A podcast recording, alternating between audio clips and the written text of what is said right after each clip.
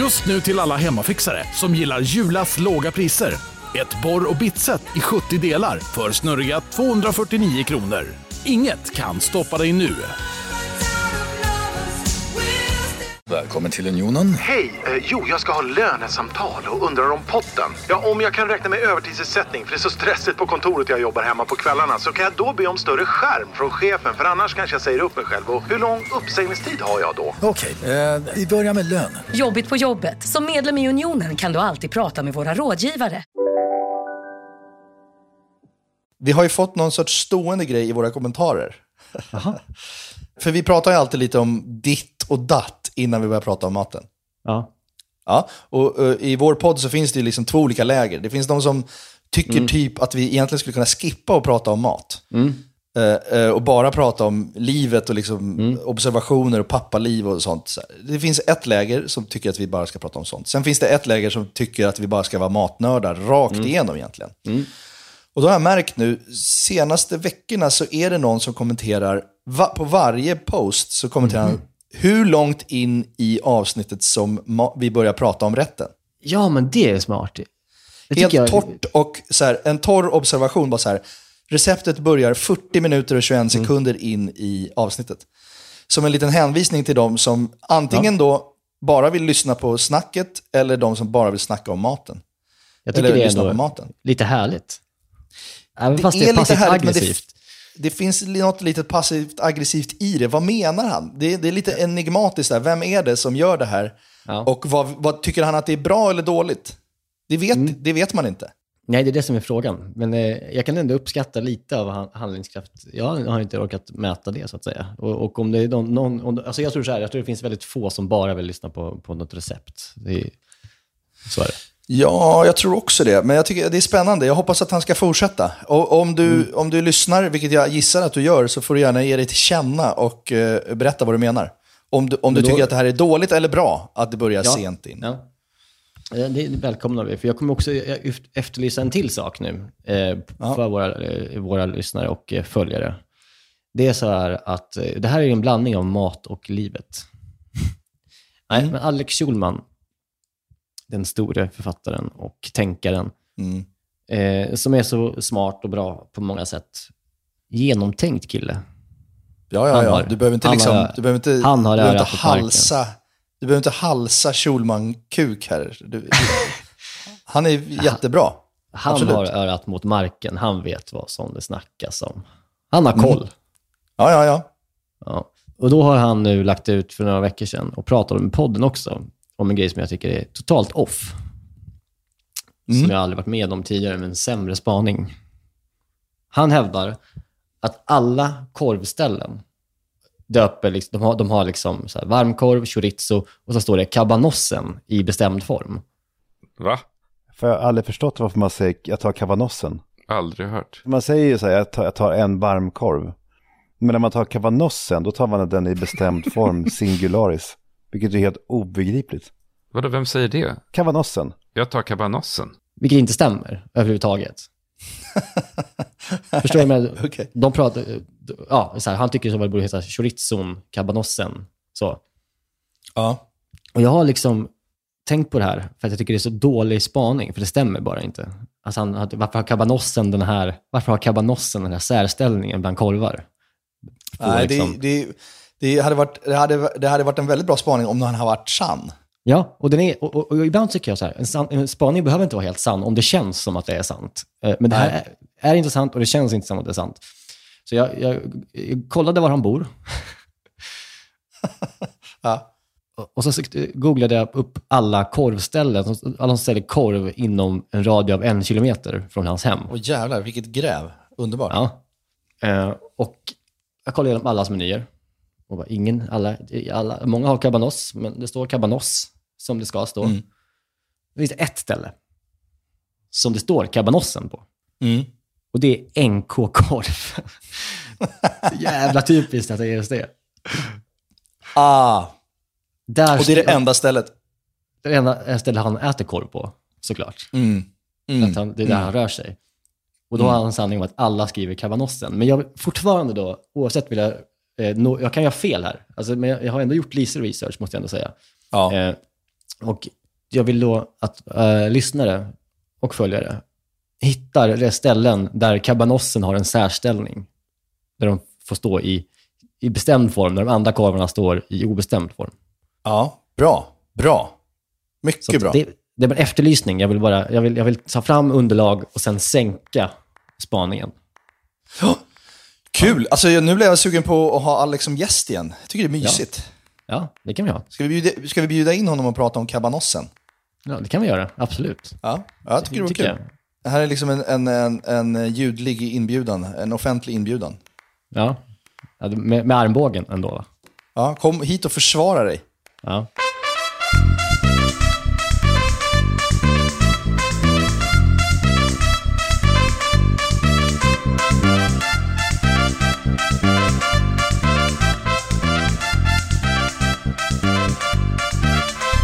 Vi säger väl hej och varmt välkomna till avsnitt 80 av Recept Tack. 80, Det var kul. jämn siffra. Det känns eh, stort på något sätt. Det känns bra. 80 är bra. Eh, hur mår du? Ja, men jag mår, ehm, jag mår ganska bra. Eh, Jag har ju som, som jag tjatat om vit månad. Det gör att jag känner mig väldigt frisk och bra och stark och pigg. Men också en lätt liksom, hinna av uttråkning ligger över mig. Mm, det skulle jag göra. Det är bra. Ja, mm, Mår jag bra? Mm, det, det, det gillar du va? Sjuka jävel.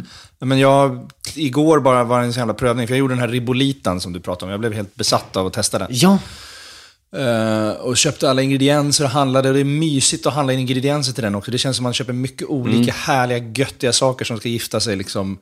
Och det var fredag och eh, jag mådde bra. Och eh, jag har också, stora barnen åkte till sin mamma, så det är lite så här kvalitetstid för mig och Lisa. Liksom, Eh, vi lägger ja, Viggo tidigt och ska äta middag. Liksom. Och jag gör den här ribolitan och står i köket och lyssnar på musik och mår bra. Men jag får inte dricka rödpang till Men- det här. Det är ju för fan, Nej.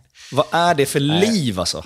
Nej, men alltså de doft, alltså att liksom så här, hålla på med den här, liksom, att bryna pancettan och göra liksom soppan och så här, allting i det. Allt som doftar är ju bara Ah. Nej, men, ett rödvin. Som, och också att hälla i det här torra, kalla, vita vinet som man hade i kylen, eh, men Mm. inte liksom ta ett litet, en liten snippet av det medan man lagar. Det, Nej. det var karaktärsprövande kan jag säga. ja.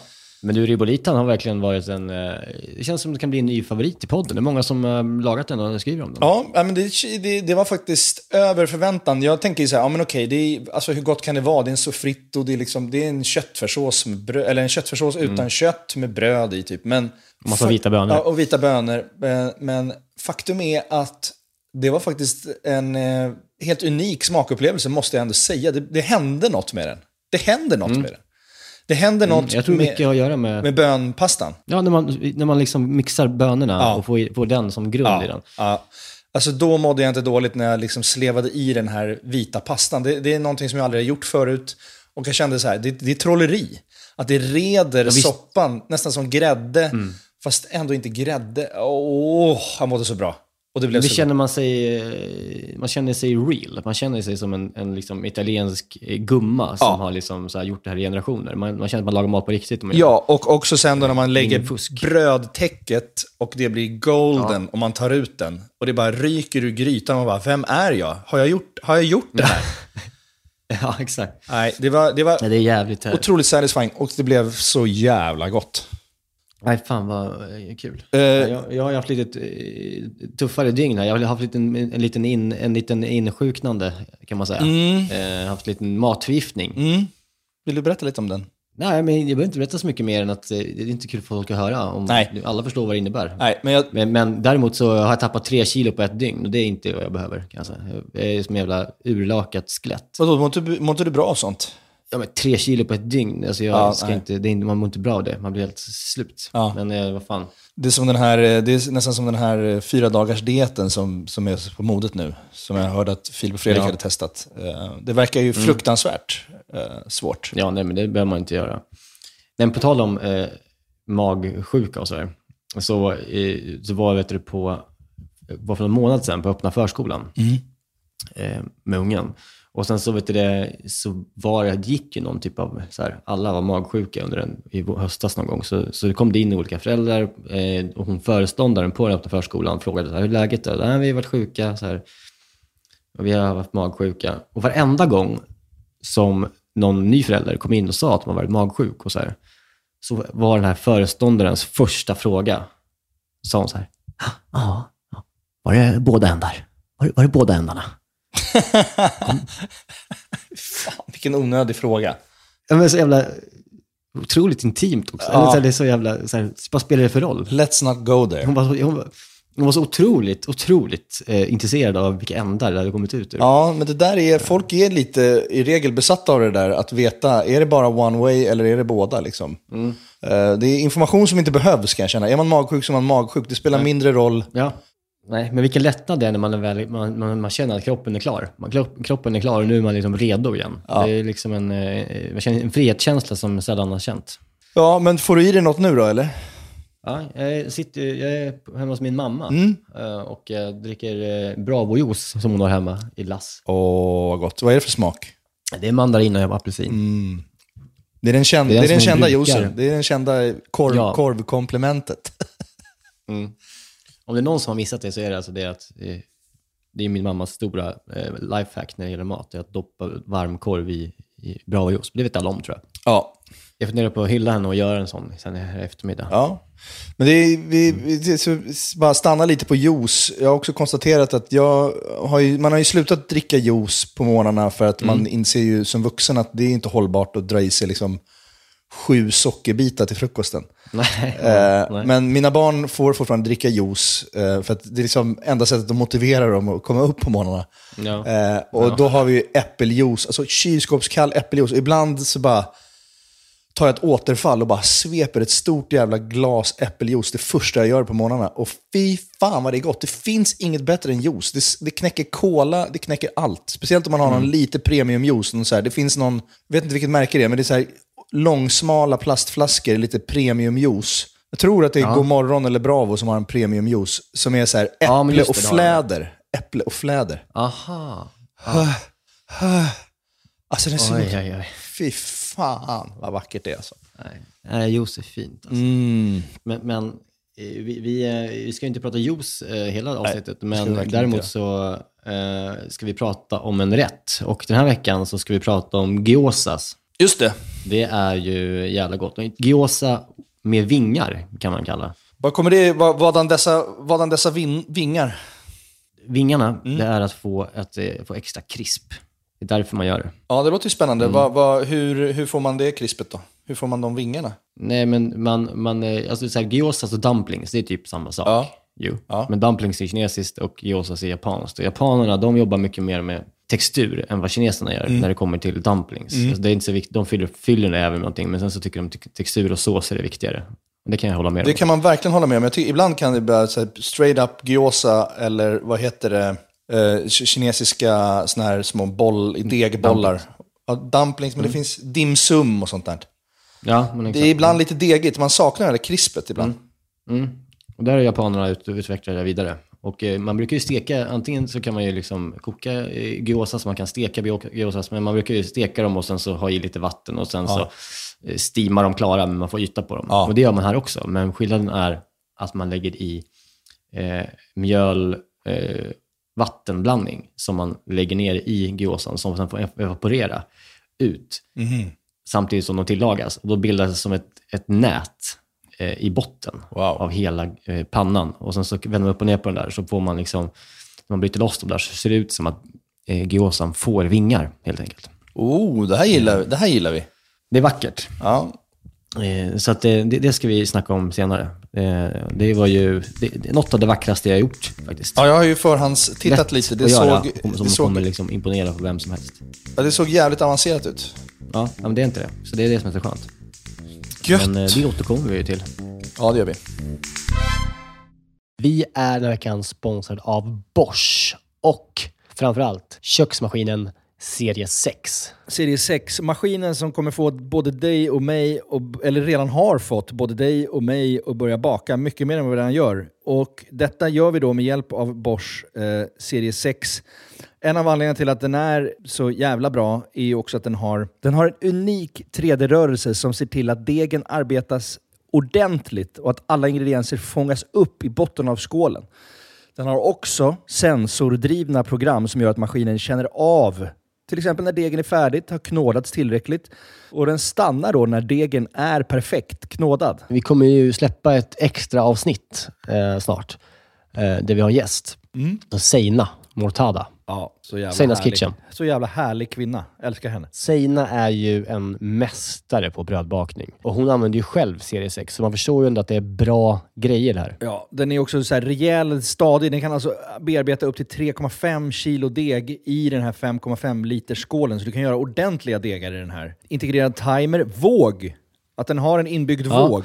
Så du behöver inte hålla på och måtta upp med decilitermått eller någonting. Du kan hälla på tills du ser att det är rätt mängd gram. Ja, och, och inte bara att den har en och två vågar till och med. Det är både den som är i själva skålen och så har du då upp på själva armen där själva kroken sitter i, så finns det liksom ytterligare en våg. Det- Något som tyder på ett väldigt stor, stor maskinslugn är ju att man kan få prova på hemma 100 dagar med fri retur. Ja. 100 dagar! Jag har ju länge drömt om att bli mer som min mamma. Min, min mamma, när vi är på landet, då bakar hon ju bröd varje kväll. Vi är 12 pers där, då bakar hon frukostbröd till alla som är färskt på Ja. dagen efter. Jag vill ju föra det här vidare. Där är ju Bosch serie 6, det är lösningen för att den är så enkel att använda. Bosch serie 6 finns att köpa hos Power. Och där kan man även läsa mer om själva köksmaskinen. Vi tackar Bosch. Vi tackar Bosch, Dankeschön. vi tackar Bosch och vi påminner också om att det snart kommer ett specialavsnitt med Bosch och Zeina. Danke. Dankeschön. Vi är den här veckan sponsrade av 7up Zero Sugar. Yes, den här underbara läsken med citron och limesmak som du ju också då finns i 7up Zero Sugar. Det är ju ändå en väldigt bra måltidsdryck. Ja, men alltså det är ju det. För att om, om man tänker på det, det fräscha och lätta och det svalkande. Det är citron och det limeiga. Upplyftande citron och lime, förstår du? Alltså Ja. det, det är klart att det, det, nästan, jag tror faktiskt inte det finns någonting egentligen som, som blir sämre, alltså mat, av att dricka 7-Up. Nej. Förstår du nej, vad jag menar? Alltså nej. så här, den smaken är så pass liksom ren och clean och liksom svalkande och allt det där. Mm. Du fattar? Jag tänker nu, nu närmar sig valborg här. Det ska, det ska ändå komma lite värme. Att liksom bara Mm. Hälla upp en 7-Up med is och citron i ett kallt glas i trädgården. Mm. Och kanske grilla så här, kyckling Mm. på rotisserie. Har du gjort det någon gång? Nej, men det, det kanske är något som faktiskt eh, den här, jag kommer börja med i sommar. Med en fräsch syrlig sallad, Exakt. lite primörer och sen ett uppfriskande glas 7-Up Zero Sugar. De sista åren när Zero har tagit liksom över marknaden så, så blir man ju glad eh, varje gång man upptäcker att liksom ens gamla favoriter som 7-Up ändå har varit genom åren. Och bara, ja, det är klart att det finns i Zero också. Den här smaken är verkligen... Alltså jag kopplar den starkt till sommaren och sommaren står Ja. framför oss. Så det är bara att langa in lite 7-Up i kylen eh, och eh, ta dig an sommaren på ett värdigt sätt. Vi hälsar sommaren välkommen och knäpper en 7-Up Zero Sugar. Lyssna bara på det här ljudet. Vi är den här veckan sponsrade av Pilsner Urquell, våra vänner på Pilsner Urquell. Ja, de har blivit som en fast punkt för oss ju. Eh, Jag framförallt dricker kanske mer Urquell än vad du gör. Men därför är jag extra glad och liksom kunna presentera att under våren så lanserar Pilsner Urquell kortburk på Systembolaget. En Den lilla 33. 33an. Och den är kall hela vägen igenom och så vidare. Det är en av de fina grejerna med Urquell. Det är också så att på, om, man, om man går på ett Urquell-hak då har de ofta en certifierad tapster. Eh, som liksom Exakt. upprätthåller kvaliteten på varje öl som serveras. Eh, de går ju då fyra dagars utbildning på bryggeriet i Pilsen. Där de får detaljerad kunskap om pilsner urquell och hur man hanterar det. Jag har ju gått den här kursen. Jag är ju, I'm somewhat Exakt. of a connoisseur. Eh, man ska väl skölja glaset innan va? Ja. och hälla då ölen sen i, i mitten av Ja, skumkronan. I så mitten av glaset så att det bildas en Ja, skumkrona exakt. till sista Ja, droppen. just det. Mm, så är det. Det som kännetecknar pilsner Urquell öl är den gyllene färgen, det vita krämiga skummet, den balanserade smaken. Ja. Det är en ljus lager, men den har ju en sofistikerad beska och karaktär. Och för att konsumera alkohol så måste man ju vara över 20 år och framförallt dricka med måttfullhet. det är väldigt viktigt i det här sammanhanget att alla förstår det. Tack pilsner Urquell. Jag börjar närma mig flytt nu. Jag ska ju för första gången i mitt vuxna liv flytta till ett hus. Ja. Jag, vi har ju köpt radhus. ja, men det känns som du ska göra den första alltså så här, riktiga flytten. Ja. Förstår du vad jag menar? Ja, på något sätt så är det väl, man har ju hattat runt mellan olika lägenheter i, Ja. i 20 års tid.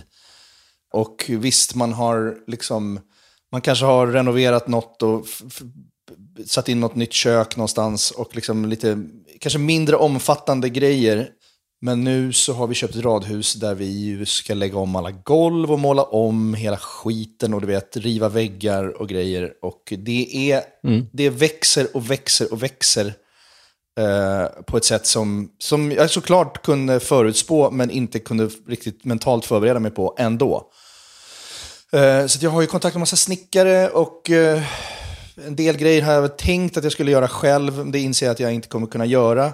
Eh, och jag, För att du inte har kunskap? Men eller för att du jag kan ju för fan ingenting om sånt här. Jag är ju så Nej. jävla... Jag, jag, jag har pratat om det förut, men jag kan inte ens liksom sätta upp en tavla utan att väggen går sönder och tavlan blir sned. Och eh, jag svär och pluggar och skruvar. Jag fuskar, jag sätter silvertejp runt pluggar för att hålet har blivit för stort.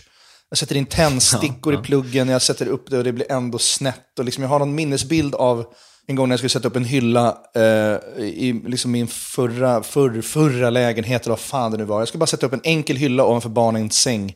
Och jag stod med skidglasögon eh, och en lånad slagborr. Bara för att det var ett hård, hård cement liksom. Och eh, bara, hela, hela hålet bara faller isär. Det bara rinner ut pulver, det blir bara större och större. Ingen plugg funkar. Jag sätter upp hyllan, fuskar med pluggarna och plötsligt så hör jag bara ett brak och hyllan ramlar ner när barnen är där inne och leker. Och jag känner så här, jag kunde ha dödat mina barn med mina in, min inkompetens. Ja, det vore inte toppen. Nej. Nej. Så jag kände så här, jag kan inte göra en sån här sak själv. Jag måste lägga ut allt på, jag måste ta hjälp med allt. Och det, jag känner mig så fruktansvärt eh, liksom omanlig. Alltså, Men känner du också underlägsen när du, när du ska prata med de som du ska anlita för att du inte kan liksom språket överhuvudtaget? Ja, ja, ja, men, vi, ja, men, ja, men absolut. Alltså, du vet, vi ska lägga in nytt golv och det behövs luftspalter under golvet för att det är källargolv och sånt kan jag ingenting om. Så bara, då måste du ha en ventilationstrumma så du får från och inluft under, bara, under ett golv. Ska ventilera under ett golv. Hur fan gör man det liksom? Ja, men då måste du köpa en Platonmatta. Som, en Platonmatta. Ja, du vet, så jag var inne och kollade på så här, sajter och så det börjar, kostnaderna bara skenar. Uh, häromdagen så blev jag ombedd att så här, ja, men du behöver mäta då ytorna så vi vet hur mycket färg vi ska beställa. Och så bara, okej, jag ska mäta. Så jag försöker kom, komma, eh, få tillgång till det här huset då så att jag ska komma ut och mäta. Så här, hur fan ska jag kunna mäta tak och golv och väggar? Jag kan inte, jag kan inte ens, Själv? jag kan inte ens liksom hjälpa min son med femmans matteläxa. Så, så det måste jag också ha hjälp med. Och sen så gick jag då till en granne eh, som var otroligt vänlig och lät mig kolla hur de har gjort. För de har också gjort om källaren. Så kommer in till honom, en underbart trevlig eh, person som jag ser fram emot att bli granne med. Liksom. Men så visar han mig källaren och eh, golvet och allting. Och bara, ah, men jag gjorde det här själv. Va? Jag bara, men, har du någon, eller, för jag frågade, jag frågade så här, kan du tipsa om någon? Han bara, ah, men jag gjorde det här själv. Jag bara, gjorde du det här själv? Han bara, ja. Nej, men jag, gjorde- jag kollade på YouTube va? och sen är det ju kul att hålla på. Man lär sig under vägen och det var, så snyggt gjort. Det var perfekt gjort. Du vet med ventiler och in och frånluft och grejer och tv-apparater som är slickade upp på väggarna utan några sladdar eller någonting. Infrästa kablar. Du vet. Resten, ah, oj, Och oj, oj. då känner jag bara så här, varför, hur har jag kunnat bli så här jävla inkompetent att jag inte kan sånt här? Alltså var någonstans missade man allt det här? Ja. Alltså, det är det man undrar också, känner jag. Alltså, det är det. För han, den här mannen, han var inte så mycket äldre än du, eller? Nej, nej, nej. Alltså, det var nej, inte han säkert, 60-årig nej, nej, gubbe. nej, De- säkert yngre. Säkert yngre. Ja. Ung och fräsch som att den och äldre kunnig. generationen fick det där... ja, det är usch vad jobbigt. Ja, och, och, och, Han var inte byggare då? Han, var inte själv, han jobbade inte som byggare och sådär? Nej, nej, nej, nej, nej, nej, nej. Nej, alltså så här, Eh, eh, han kan kolla på YouTube och sen utifrån det Mm. lägga en, en eh, lufthinna under ett golv och lägga golv. Alltså förstår du? Det är, Ja. Och då kände jag mig bara så här, det blir så, jag blir så smärtsamt medveten om min egen inkompetens eh, och jag skäms. Och sen så, samma kväll så åkte jag och kollade på eh, någon sorts förhandsvisning av den här eh, nya serien The Last of Us. Den här är otroligt bra. Alltså det är ju... Vad är det? Vad är det? Of Us? Ja, men det är ju en zombie-serie, eller det är kanske lite slarvigt att kalla det. Jag tycker inte att det känns som en klassisk så här, zombie-serie. Den är så mycket mer, liksom. men den är baserad på ett tv-spel. Så det är en konvertering från tv-spel till tv-serie, vilket känns som, det är ett koncept som inte har funkat hittills. Liksom. Nej, men det känns som det finns potential. Det kan bli verkligen någonting som, som kommer bli stort. Ja, men, och den infriade alla förväntningar och var så jävla bra. Och där är det ju en pappa då som eh, bor ensam med sin dotter och det kommer en zombieapokalyps. Men inte en zombie av att så här, du vet, eh, någon har blivit smittad eh, av, av, Nej. av något monster eller så. Utan det handlar ju om, det är lite verklighets, det är lite nära verkligheten typ. Att det finns en möjlighet i framtiden att svampar skulle kunna ta över människan. Liksom. För att när, när temperaturerna på jorden höjs, då höjs också temperaturen för där svampar kan överleva. Och då skulle de i, Ja, ja, ja. i svampar kan typ, nu, nu, nu pratar jag ur arslet här för jag vet inte exakt siffrorna, men svampar kan överleva i 34 grader Celsius eller vad det är. Var, om de, överlever var, de kan inte överleva i varmare, därför kan de inte ta sig in i människokroppen typ. Ah, Men och nu kommer det komma en massa nördar här och säga att jag har fel. Men så här uppfattade jag det. Eh, Men om, med temperaturhöjningar på jorden så kommer svamparna anpassa sig till högre temperaturer. Vilket innebär att de också skulle kunna liksom, eh, ta sig in i människor. För de kan, Ja, de kan redan ta sig in i myror. Det finns myror som har blivit övertagna av svampar som växer in i myrorna och tar sig in i deras hjärna. Och gör myrorna till Mm. någon sorts svampzombies. Det har hänt med myror redan. Ja. Ja. Och Okej, och det, händer, det här är det apokalypsen det här, handlar om i den här serien? det här liksom. händer i The Last of Us, att plötsligt så kan en svamp ta sig in i människan och gör människan till en zombie. Och den här pappan lever ensam med sin dotter, han är en hantverkare, liksom, lite så här ruffig, eh, men han har en väldigt fin relation med sin dotter. Och plötsligt så, så, så kommer liksom, börjar man märka att det, är det, är något, det händer något konstigt i grannskapet. Det åker stridsflygplan över himlen, man hör sirener nere i stan, man ser grannar börja bete sig konstigt och plötsligt så ser hon sin grannes hund bara stå och gny liksom, och titta på sin husse och bara vad fan är det som händer? Och sen visar det sig att alla har blivit zombies, och det blir kaos på gatorna och pappan tar sin dotter och drar. Liksom. Och eh, det är sånt jävla knas, men han är så fruktansvärt liksom, kompetent och stark och modig. Och då, ble, då blev det bara så här, jag kände så här, hur länge skulle jag överleva? Hur länge skulle jag överleva med den här fruktansvärda inkompetensen jag besitter? Så inom en kort period, i några timmar i ditt liv, har du träffat en, en otroligt händig man i, i, i Hökarängen. Ja. Du har sett en, en, en, en handlingskraftig man i en apokalypsfilm. Ja. Och så inser du att du kan ingenting. Jag, jag kan ingenting. Jag kommer dö, jag kommer dö på f- 3,7 sekunder om något sånt skit händer. Det jobbiga är ju, alltså jag förstår ju hur jobbigt det är med allt det här med, hela projektlederiet, med att fixa med allt, med, med nya eh, hantverkare och allting som ska fixas med nya huset. Ja. Men utifrån, alltså även om jag är nära dig, så känner jag ju ändå en liten, liten, liten glädje över att du har det ganska jobbigt med det här. Mm. Och jag förstår att, jag, hade jag varit jag, hade, varit- hade fan bytt ihop Ja. av det här. Men det är ändå lite kul. att det, ja, men jag förstår det. Skönt att sitta i, i soffan och bara luta sig bak och titta på. Ja, ja, men det är ju det. Det är så hemskt. Men jag, fatt, jag fattar verkligen hur... hur jag, vi skulle ta in en, en målare en gång. Jag fick panik för att vi skulle liksom bestämma tid bara.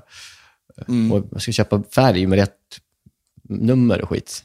Det Ja, en- men det är sånt. Det är sånt. Ja, visst. Så jag, jag, jag känner med dig, men jag mår också lite bra.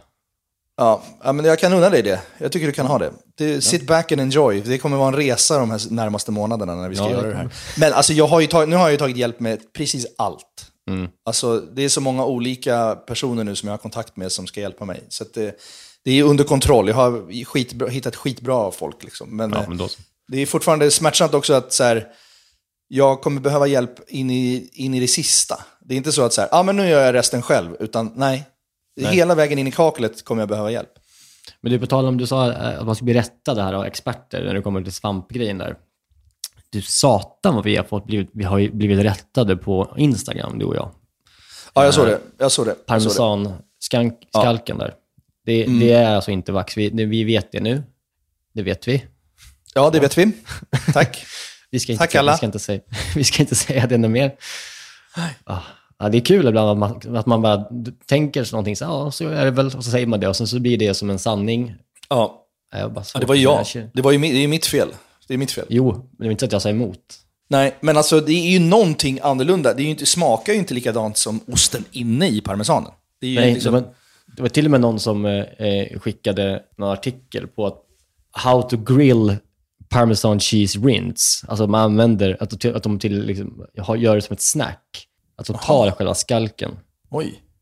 Ja, det behöver man inte göra. Nej, det, det, känns, det känns onödigt. Eh, däremot så kändes det ju, alltså jag tänkte på det igår när jag la in en skalk i ribolitan, att eh, man mår ju fortfarande bra. Och ännu Ja. bättre nu när jag vet att det är helt safe. Ja, men exakt. Så det, det känns skönt. Då vet vi om det. Ja. Men jag vill bara liksom fortsätta på det här eh, inkompetent pappaspåret. Lite, en liten kort passus bara. Jag, var, jag har ju, jag har haft, vi hade ju ett, ett långt jullov liksom, med mycket sådana här hemska aktiviteter som man ändå gör för sina barns skull, fast man inte själv vill. Eh, och det är ju bland annat då liksom, Gröna Lund, Winter Wonderland. Alltså, Grönan eh, är jobbigt redan som det är på sommaren. Eh, Det är så jävla mycket folk och så jävla långa köer och bara hysteriskt. Och pengarna bara flyger iväg. Ja, så. Eh, och, eh, och så gör man fast, göra det fast i 10 minus. Du kan ju bara föreställa dig. Mm, nej, ja. Att stå liksom huttra i kön till kvasten i 40 minuter i 10 minus. Alltså det, eh, vad, vad är det ens?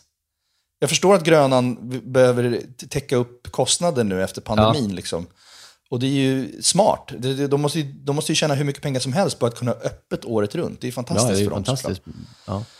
Men för oss föräldrar, har vi, har, vi, har, vi sanktionerat, har vi föräldrar sanktionerat att de ska få ha öppet? Nej, Nej, det har vi inte. Men hur når det barnen? Det är det som är problemet. Att, de- att det är öppet. Gör de, gör de direkt reklam till barnen? ja, men de sprayar ju stan med någon sorts vintersagolandskap, Ja. affischer liksom, på tunnelbanor. Så att barnen, inget barn und, eh, det undgår inget barn att det är öppet. Och det ser ju helt fantastiskt ut. Det ser ju ut som liksom Nordpolen. Ja. Så kommer man dit så är det så här isregn och grått. det ser ut som liksom eh, Stalingrad.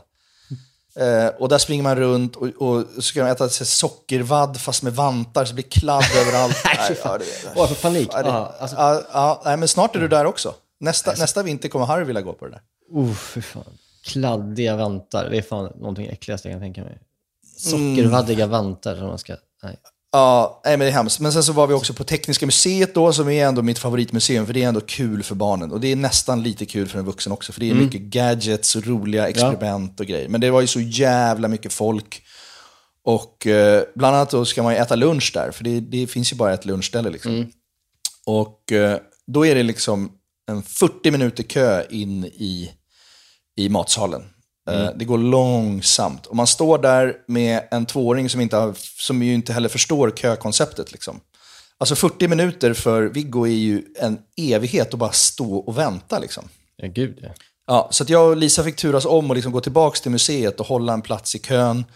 Och det är helt hysteriskt den här kön. Bakom mig står en unge och bara alltså, hostar som att den är liksom grovt, gravt covid-sjuk. Och liksom hostar ra rakt ut. Framför mig står en stor familj och tjafsar om vad de ska äta.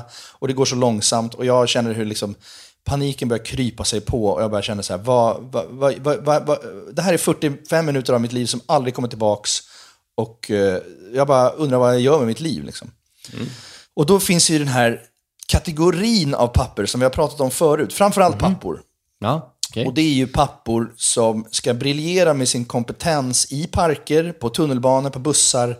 Eh, briljera med sin kompetens som pappa genom att prata högt med sina barn så att föräldrarna runt omkring ska förstå hur bra de är. Mm, ja, hur ja, absolut. engagerade de är.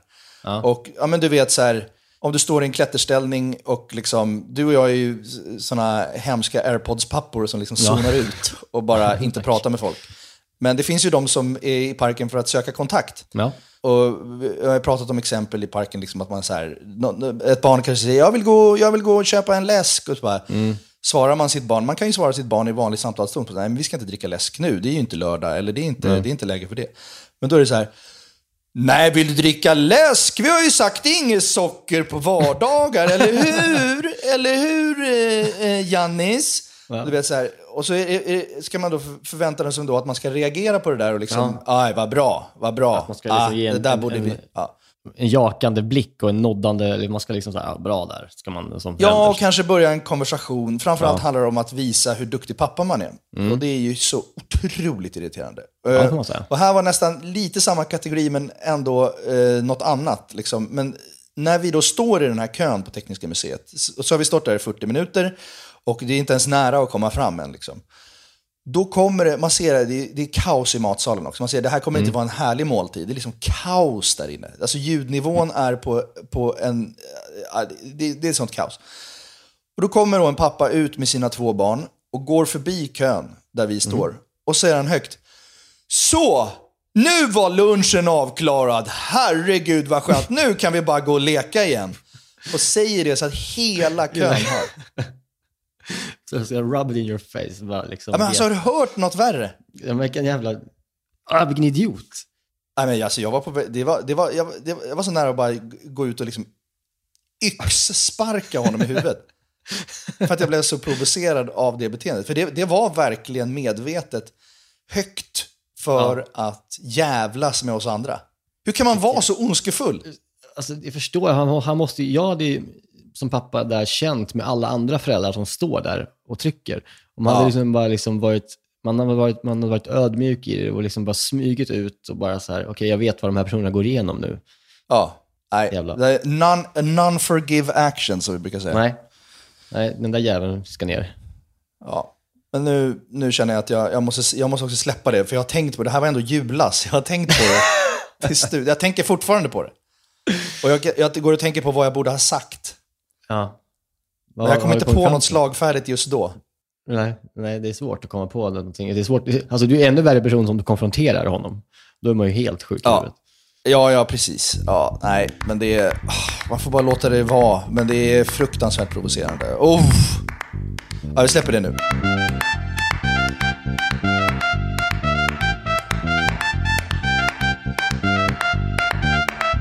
Veckans rätt.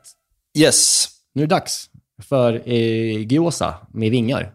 Ja. kan också kallas, eh, så här, man googlar på det och kollar på YouTube så, här, så är det liksom så här, gyoza with skirts, som en, som en, som en kjol. Liksom. Eh, men jag tycker ni, om ni inte liksom redan är på vår Instagram och ser hur det ser ut så kan ni bara googla det så ni får en bild av det. För det är lite svårtytt om man bara pratar om det kan jag tycka. Men eh, in på vår Instagram och se, får ni se hur den ser ut. Det är vackert. Och eh, jag är ju inte en sån som gör egna gyoza-skins, alltså deg, klump, degknyten. Alltså de köper man ju färdiga frysta. Ja, det kan du göra på din älskade China Lips. Ja du, Kina-livet du. Men det man behöver då för att göra den här, eh, kan man kalla det, man kanske, det är svårt. vi åt det som huvudrätt. Vi åt liksom eh, 12 var, jag och Maja. Man kan äta det som ett, perfekt som ett snack egentligen. Om man serverar liksom små grejer in, inför en middag så kan man äta två, tre stycken sådana där. Och Ja, servera. Det är också fint. Men eh, vi gjorde som huvudrätt i alla fall. Men det man behöver, det är eh, eh, fläskfärs, shiitakesvamp, eh, man behöver grönkål, man behöver eh, ingefära och vitlök. Eh, och sen behöver man japansk soja och sesamolja. Och eh, purjolök. Det är liksom fyllningen till Okej. okay. gyozan. Mhm, så gott. behöver man gyoza-degen. Eh, och sen så behöver man då den här mjölblandningen som, gör, som man gör själva eh, skinnet av. Det är vatten, majsena och vetemjöl eh, igen. Mhm. Eh, ja, och sen så gjorde jag två såser till det här. En krämig gjorde jag. En, liksom en, en, vad ska man säga, en majonnäsbaserad. Mm. Eh, som jag hade rostade sesamfrön och vitlök och, och sesamolja och honung och risvinäger och grejer i. Och så hade jag en Helvete vad gott! En tunn dipp som var bara liksom med soja och sesamolja och risvinäger. Mm. Eh, ja. Men det är de sakerna man eh, behöver och då man ska, eh, när man ska göra det här. Så det man börjar med helt enkelt, det, det är att man eh, börjar med själva smeten. Och här kan man ju då, man, det, ska vara, det ska vara svamp och eh, purjolök och vitlök i, eh, och den här kålen, grönkålen i. Grönkål är inte liksom det som man brukar ha i. Man brukar ha i så här savoykål, typ. men jag kände grönkål var lite kul. Mm. Eh, men man kan ju bara blanda i eh, svampen och allting, och, och löken och kålen, eh, själva så här, rått i smeten. Men eftersom det har så pass kort tillagningstid, eh, så, här, så hinner inte liksom smakerna komma ut ur grönsakerna in i färsen. Nej. Så att jag steker allting först. Mm. Alltså alla, allt utom själva färsen. Så att man får ut alla smaker ordentligt. Mm. Smart. Eh, så, så att jag, ja, jag steker dem eh, i en panna, kål, lök och svamp eh, och vitlök. Och sen så låter jag det kyla av. Eh, efter det så skalar jag en ingefära med tesked, som du vet är bäst. Ja. Så man kommer åt alla skarvar ordentligt. Mm. Jag skrapar bort det och sen så river jag ner eh, i, i färsen. I själva färsen så går det också i japansk soja och sesamolja. Så smakar man upp det. Eh, och sen så blandar man i den här stekta svampen och eh, kålen och, och löken. Mm. Och så ska man inte röra för mycket. Man ska liksom inte blanda dem så helt liksom så det blir som en enhet. Det ska vara lite poröst, typ. Mm. Alltså, så här, det ska inte liksom vara en... Ja, du fattar. Typ mm. man gör dumplings kan man blanda dem jättehårt, så kan man köra in dem i, i, i kylen och låta dem vara där så länge som det verkligen sätter sig. Men här ska det vara ganska löst och så här, för att det ska bli en bra textur i det när man äh, tuggar i det. Mm. Sen är det ju bara det som är kvar. Och det som är, det som är tråkigt och kul och meditativt, det är att göra själva gyozasen. Mm. Kan jag tänka mig. Och eh, då, då placerar man bara liksom sitt eh, gyoza-skin i handen.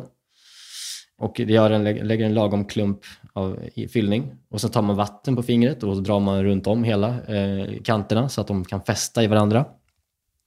Eh, och sen så viker man bara på ena sidan av, av den här.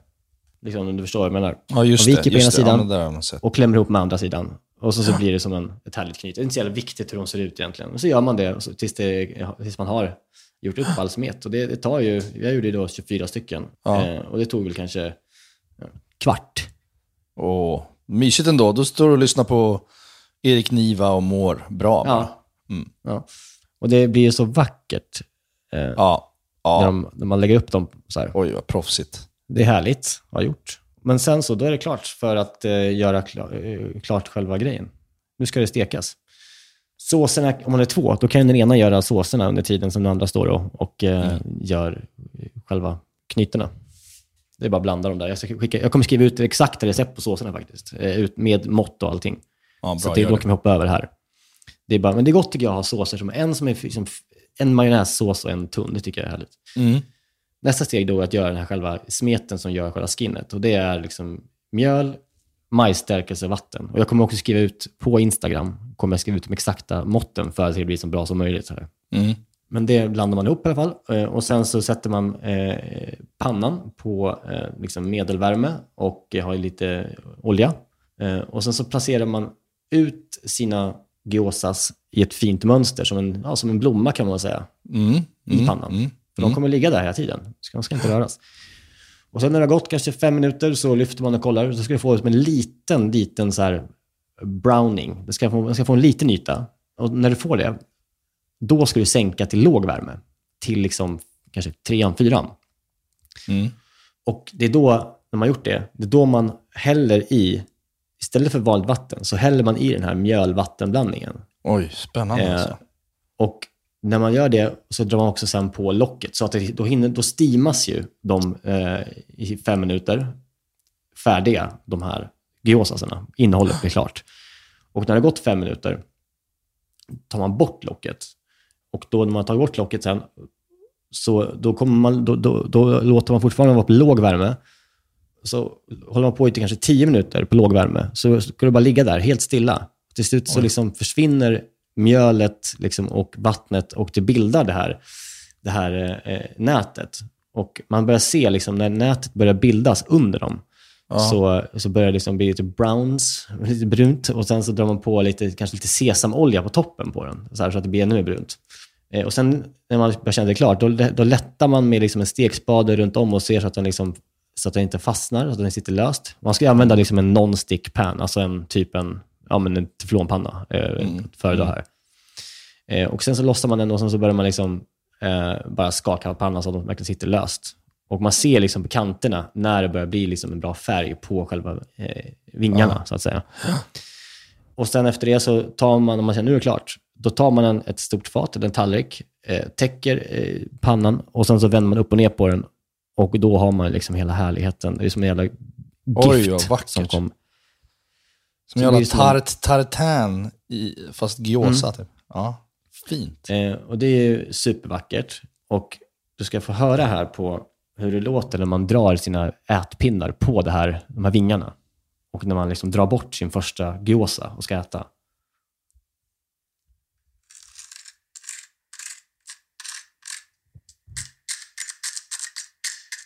Oj. Mm. Ja, Mm. du hör ju. Krisp finns. Det är krisp. Eh, och för det tycker jag behövs ofta med, med just gyozas. Verkligen. Och sen så är det bara doppa och käka. Och eh, det känns som man har gjort ett konstverk och att man har gjort någon jävla liksom, kemisk... Har varit i ett labb och gjort mat. Ja. Fast det är ganska enkelt. Du såg, det var väl ganska enkelt, eller hur? Ja, men det känns, jag, känner, jag blir lite orolig när jag ser det där, äh, att det ska komma ut som en helhet och krispet och... äh, Alltså det känns, jag kan ju inte ens äh, göra, jag misslyckas ju alltid med mina omeletter till exempel. Jag kan aldrig vända Mm. en omelett snyggt, äh, utan den går alltid sönder och så bara blir det äggröra istället typ. Jag tänker att det här är next level på att få, få det där att funka. Ja, jag trodde jag också. Att det skulle vara svårt. För jag hade aldrig gjort det tidigare. Jag såg det här på, på Instagram, så jag såg någon person som gjorde det här. Och tänkte jag, hur fan vad vackert det var. Och så tänkte jag, jag kommer gå åt helvete när man ska få i det där jävla... Ja. Men har man bara rätt proportioner på mjöl och vatten Ja. och låter det liksom dunsta bort, så blir det... Alltså det, jag, miss, jag, det blev väldigt bra liksom, direkt. Och jag, jag gjorde liksom ingenting förutom att jag stekte dem, hade i det där, lät det liksom dunsta bort och sen så ja, blev det sådär. Så det, det, jag tror inte att det är så svårt. Det var viktigt att man har låg värme liksom, Ja. så att det inte bränns. Jag blir lite så här, nu när jag ser, jag ser när du lagar sånt där liksom, och du får det, det går inte sönder och fastnar inte och så. Jag, jag upplever ganska mycket att grejer fastnar i mina pannor. Och jag, då börjar jag fundera på så här, är det så att man måste, att jag byter ut mina pannor för sällan? Nej, det tror jag inte. Alltså, vi fick ju liksom de här... Alltså, jag, jag här försöker skylla en på pannorna nu. Det är det, det är det jag Ja, vi säga. behöver inte göra det för att jag använder den här eh, från Vargen och Tor, den som, deras eh, teflonpanna. Ja, den är ju precis, liksom... Den, den har jag också. Har väl du också? Och de har vi, fick, fick vi samtidigt ungefär, så jag menar, jag tror inte att det är det. Eh, Nej. Nej, men det är något som inte riktigt funkar för mig med, med det där non-stick-grejen. Alltså, jag skulle kanske behöva köpa någon riktig jävla... Liksom bästa non-stick-pannan som någonsin har gjorts. Det kanske är vargen och. Ja. Det vet jag inte, men... Nej, men den, den, jag har aldrig haft problem med den på det sättet i alla fall. Alltså den är Nej. ju väldigt bra. Den är också så här, den är inte rent, den, har, den är ju lite så här, gupp, den är liksom lite gropig. Är den ju. Mm. Det är inte en vanlig teflonpanna, utan den har ju lite så luft. Så på tal om ditt källargolv, den har ju luftkanaler va? under som går, Luftspalter. luftspalter vet du. Ja. Så att det, Ja, jag må- nej, men jag, Jag måste bli bättre bara, helt enkelt. Men man kan ju då bara, oavsett om man vill göra eh, gyozas, eh, så kan man ju om man hatar att göra sånt här eh, kemi, så kan man ju bara köra i eh, vatten på exakt samma sätt. Och eh, först steka dem, när de fått Ja. färg, i med vatten, steama dem klara och äta dem. Liksom. Det blir ju gott ändå. Ja. Men det är ju en extra add-on att göra det här, de här vingarna. Ja, men precis. Det är det jag har gjort någon gång när jag har gjort gyoza. Då kör jag bara så här vatten. Det, blir, det har ju funkat. Mm. Ja, det blir jättegott, men eh, de ser lite, de ser lite deppiga ut. De ser lite molokna ut av det här, Ja. när man bara steamar dem. Du måste ha yta. Ja, men jag har en annan, eh, s- vi ska, jag ska köra senare i vår, så har vi, jag, ska, jag har börjat, eller Maja har egentligen, har börjat utforska det här med soup dumplings. Mm. Du vet, när det är som en jävla liksom en, en, en, eh, en fond, eller som en buljong i själva dumplingsen. Ja, ja, ja. ja. Det, det, det här brukar Lisa prata om också. Hon brukar gå och äta på något som heter mormors dumplings när hon jobbar där Ja, de har ju det. Och där på berättar hon om dumplingssoppa som tydligen är helt sjuk. Den vill jag pröva. Men då gör man liksom så här, fyllningen, eh, man, man liksom gör den som en soppa, men sen så kyler man ner den med eh, typ gelatin. Och så packar man in själva gelatinklumpen i dumplingen och sen så steamar man dumplingen. Och sen så, blir ju då, så hinner ju då Ah. den här klumpen bli soppa igen. Så när man lyfter upp den och äter den så, bara, så bara blir det explosion i munnen. Oj. Kul. Ja, det Ja, måste jag ska vi göra framåt. Mm. Nej, det var veckans rätt. Gyozas med vingar. Det är så härlig kontrast till, till eh, Ribolita som är så här rustik och bara stökigt ja. italienskt kök till någon sorts lite mer hantverksmässigt asiatiskt, eh, liksom eh, kliniskt. Ja. ja. Bra. Ja, men det tycker jag är bra.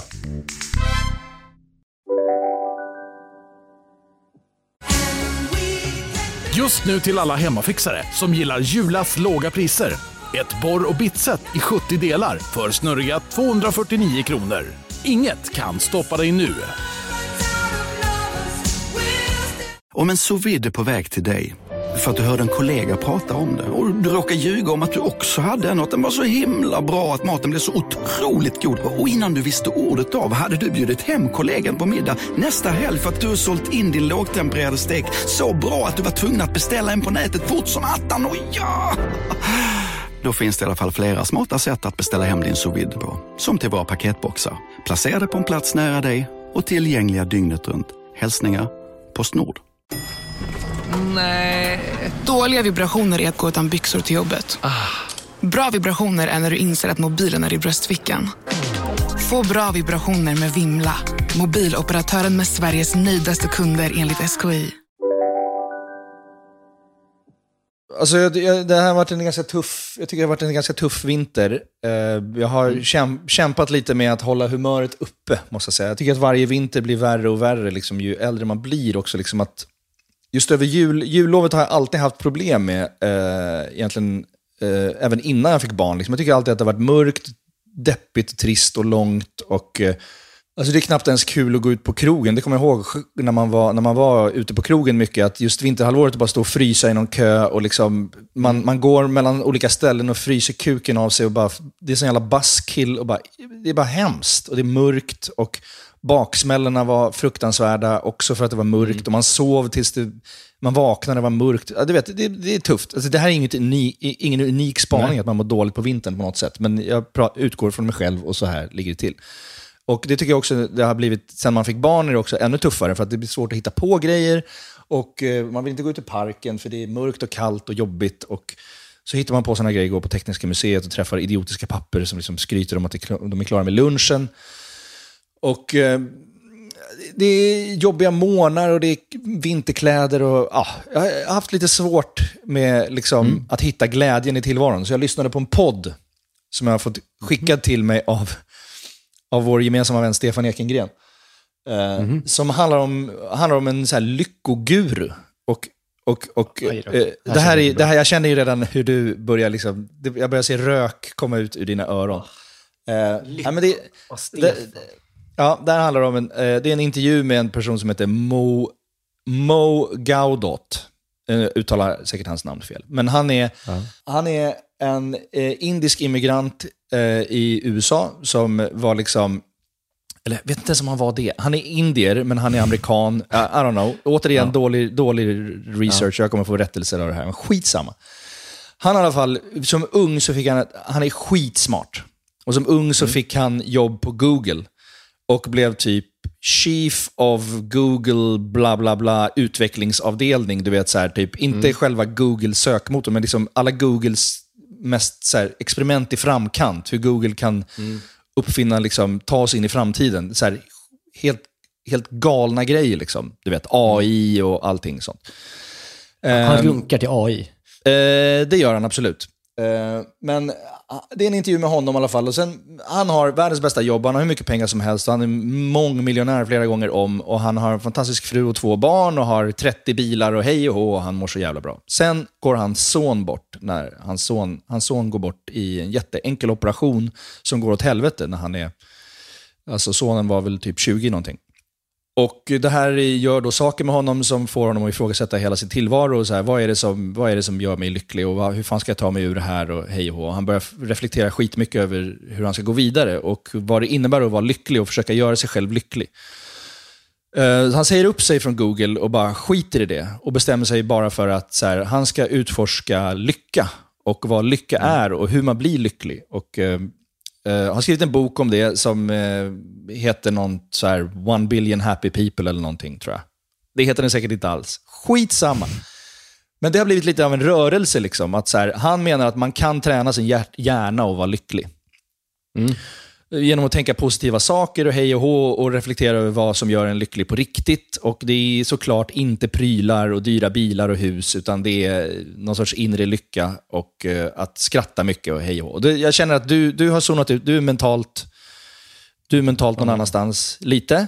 Jag tapp, Nej, jag, förlåt. Jag, jag, jag Nej, men han menar att hjärnan är plastisk. Om du är olycklig så kan du ta dig ur det genom att tänka lyckliga tankar. Och Det finns massa steg man kan ta mot det. Liksom. Och det, det är så här, det är för mig, det, jag Mm. avfärdar också sånt här. Jag tycker så här, säg det till någon som sitter fast i missbruk och bor i liksom Ja, ett jävla säger, och har, har aldrig haft en bra familj eller någonting. Och liksom, det går inte bara att tänka att man ska vara lycklig så blir man lycklig. Men man kan i alla fall försöka och då kan man ta hjälp av den här eh, M- M- Mo Gaudat. Man kan lyssna på det här avsnittet. Jag kommer, jag kommer eh, eh, länka till det. the reality that you can feel unhappy about something in the past and the future is in itself evidence that now is okay. Because if there was a tiger trying to eat you right now, you wouldn't be thinking about losing your job in three weeks. Okay? Yeah. So the truth is, every time, remind yourself that the fact that I'm thinking about past and future is itself evidence that now is fine. There is a roof on top of my head. I'm obviously not starving. Okay? You have an electronic device that allows you to listen to us. Uh, life is okay. Jag tycker det är fantastiskt. För mig var det jättebra. Det, hjälpte, det har hjälpt mig genom vintern det här. På riktigt, har du gjort det? Ja. Men då, du, han säger tänk så här, det ska vara... Nej, men jag, det är bara så här små grejer som jag tänker så här, när jag står, om jag står liksom i parken och plötsligt så känner jag att det luktar bajs liksom från Viggo och det är iskallt och jag har glömt skötväska och jag känner bara så här, jag är långt hemifrån, vad fan ska jag göra? Jag, jag har glömt mina vantar i bilen, jag, alltid bara iskallt och mörkt och eh, man vill bara, du vet, så här, man, man, man går in i den mentala passlådan då eh, och liksom drömmer om att dra bara. Ja. Eh, men då har jag tänkt mycket på det här, liksom att så här, så enkelt som tänk happy thoughts och var glad att du lever och att du har liksom en telefon och tak över huvudet. Och att, ja, jag vet att du, jag visste ju att du skulle hata det här. Men det är inte, därför, det, är inte det jag ska prata om heller. Jag ska inte prata om lycka och hur man ska eh, göra sig själv Vet du vad han sa? För det- vet, vet, vet du vad han egentligen säger? Han säger så här, If you have one million billion dollar, you need to call your call your nanny and he can, he can pick it up and he can go to the bathroom and now you can take some... Ja, Rik precis. Men- jävla liksom Google-indier som du lyssnar på. Han är fantastisk, jag älskar honom. Jag vill, jag vill, jag vill bli bästa vän med honom. Men eh, det, var inte därför jag skulle pra- det var inte det jag skulle prata om, för jag vet att du inte Nej. kommer... Du, du, du köper Nej. inte det här. Men i andra delen av podden så börjar han prata om AI.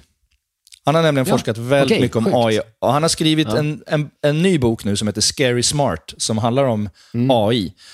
Och hur fort det går inom AI-utvecklingen. Alltså det går ju i sånt jävla Mm. tempo så att det inte är klokt. Liksom. Du ser ju bara det som är så på modet nu när folk ber så här, en AI skriva en låttext eh, med en exakt. blandning mellan Det- Metallica och eh, Evert Taube. Typ, så här. Ja, Och så tar det en minut och bara hjulet snurrar och sen kommer en text som faktiskt är ganska on point. Liksom. Ganska on point. Jag tycker det är lite överskattat ändå. Eh, jag, bad, jag bad en AI skriva så här, write a poem in the style of Bruno K. Öijer, typ, about a turtle. Ja, och då fick jag upp någon så här, halvbra. Alltså halvbra. Jag är inte blown away av AI, liksom. So far. Eh, men han menar att utvecklingen går så fruktansvärt snabbt så att inom åtta år, alltså typ 2045, eh, Ja, åtta år. Ja, inte och 20 helt- skitsamma. det är därför jag inte ska hålla på och prata om sådär. Jag kan ju inte komma ihåg någonting. Eller något. Men inom, inom ett x antal år så kommer AI Ja. vara typ 45 miljoner gånger smartare än människan. Ja. Alltså med, med, det tempot som utvecklingen med AI går i nu, så är det så Mm. att eh, om, några, om åtta år, eller vad fan det nu är, så kommer man kunna jämföra liksom en flu, Det är som att jämföra en fluga med Einstein. Människan är alltså flugan och AI är Einstein. Inom x antal år. Den kommer vara så smart så att det, vi fattar inte det. Nej. Det kommer liksom bli typ Blade Runner Total Recall-känsla på jorden. Liksom. Att eh, datorerna kommer ta över, för de är så fruktansvärt smarta.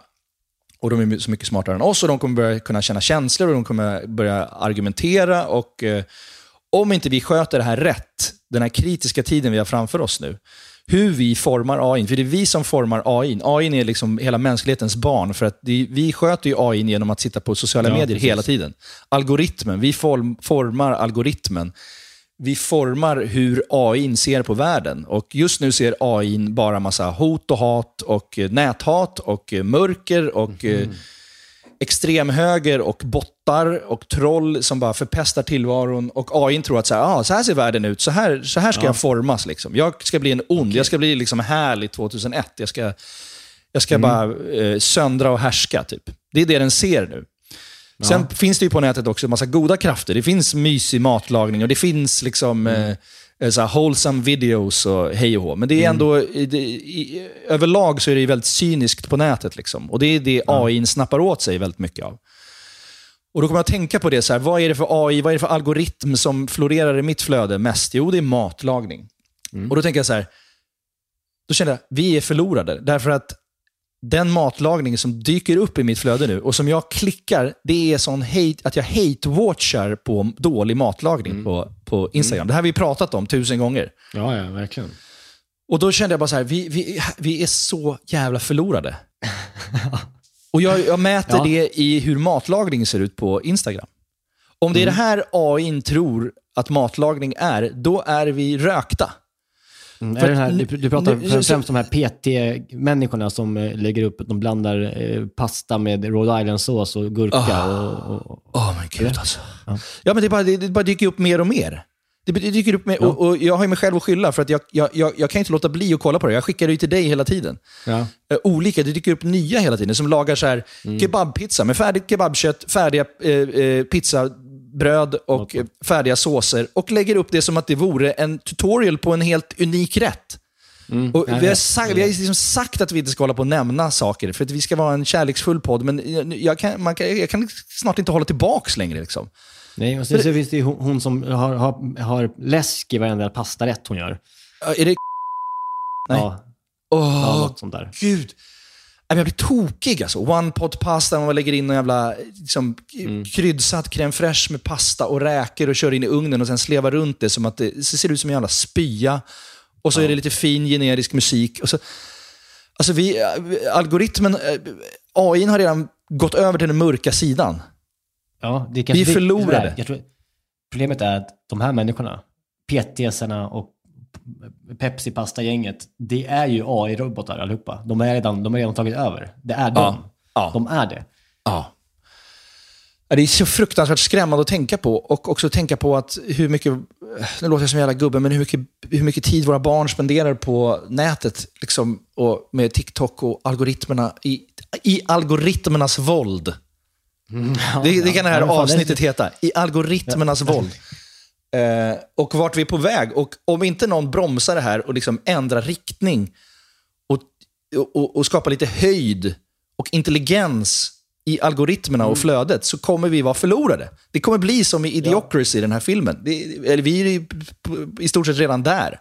Ja, nej, jag, jag, jag är också väldigt bekymrad, framförallt när det kommer till matlagningen. Det, det, det känner jag att eh, Mo Gaudat är på. Han är på rätt spår. Jag ska visa, jag ska visa för Mo Gaudat och se vad han säger. Ja. Som här är jättegoda, jättegoda crème fraîche, eh, crème fraîche pannkakor.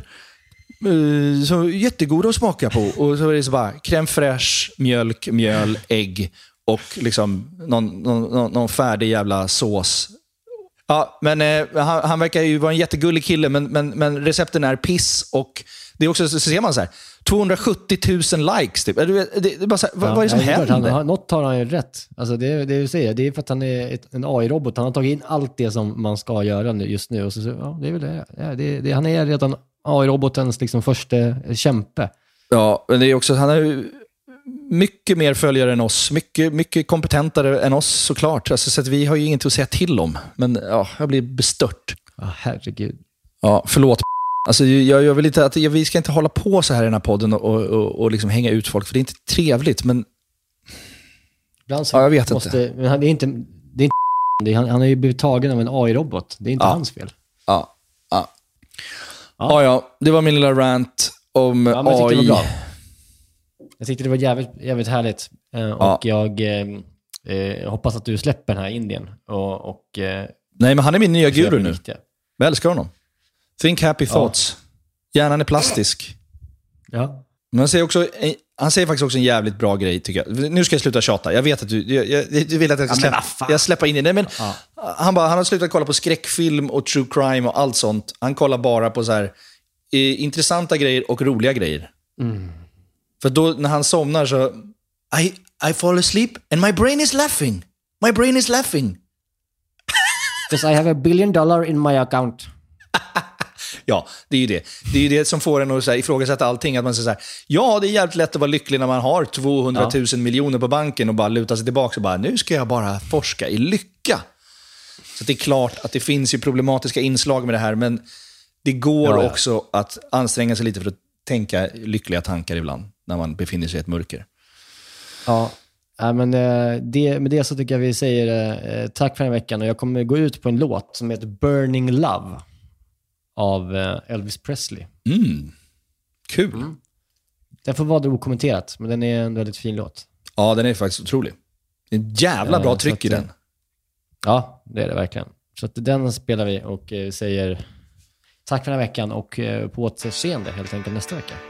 Yes, tack för att ni har lyssnat. Think happy thoughts. Tack. Puss.